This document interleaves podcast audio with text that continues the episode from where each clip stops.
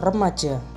Remaja adalah sebuah masa transisi dari usia anak-anak akan menuju kepada sebuah usia dewasa yang di mana masa ini remaja rawat mengalami fase-fase quarter life crisis.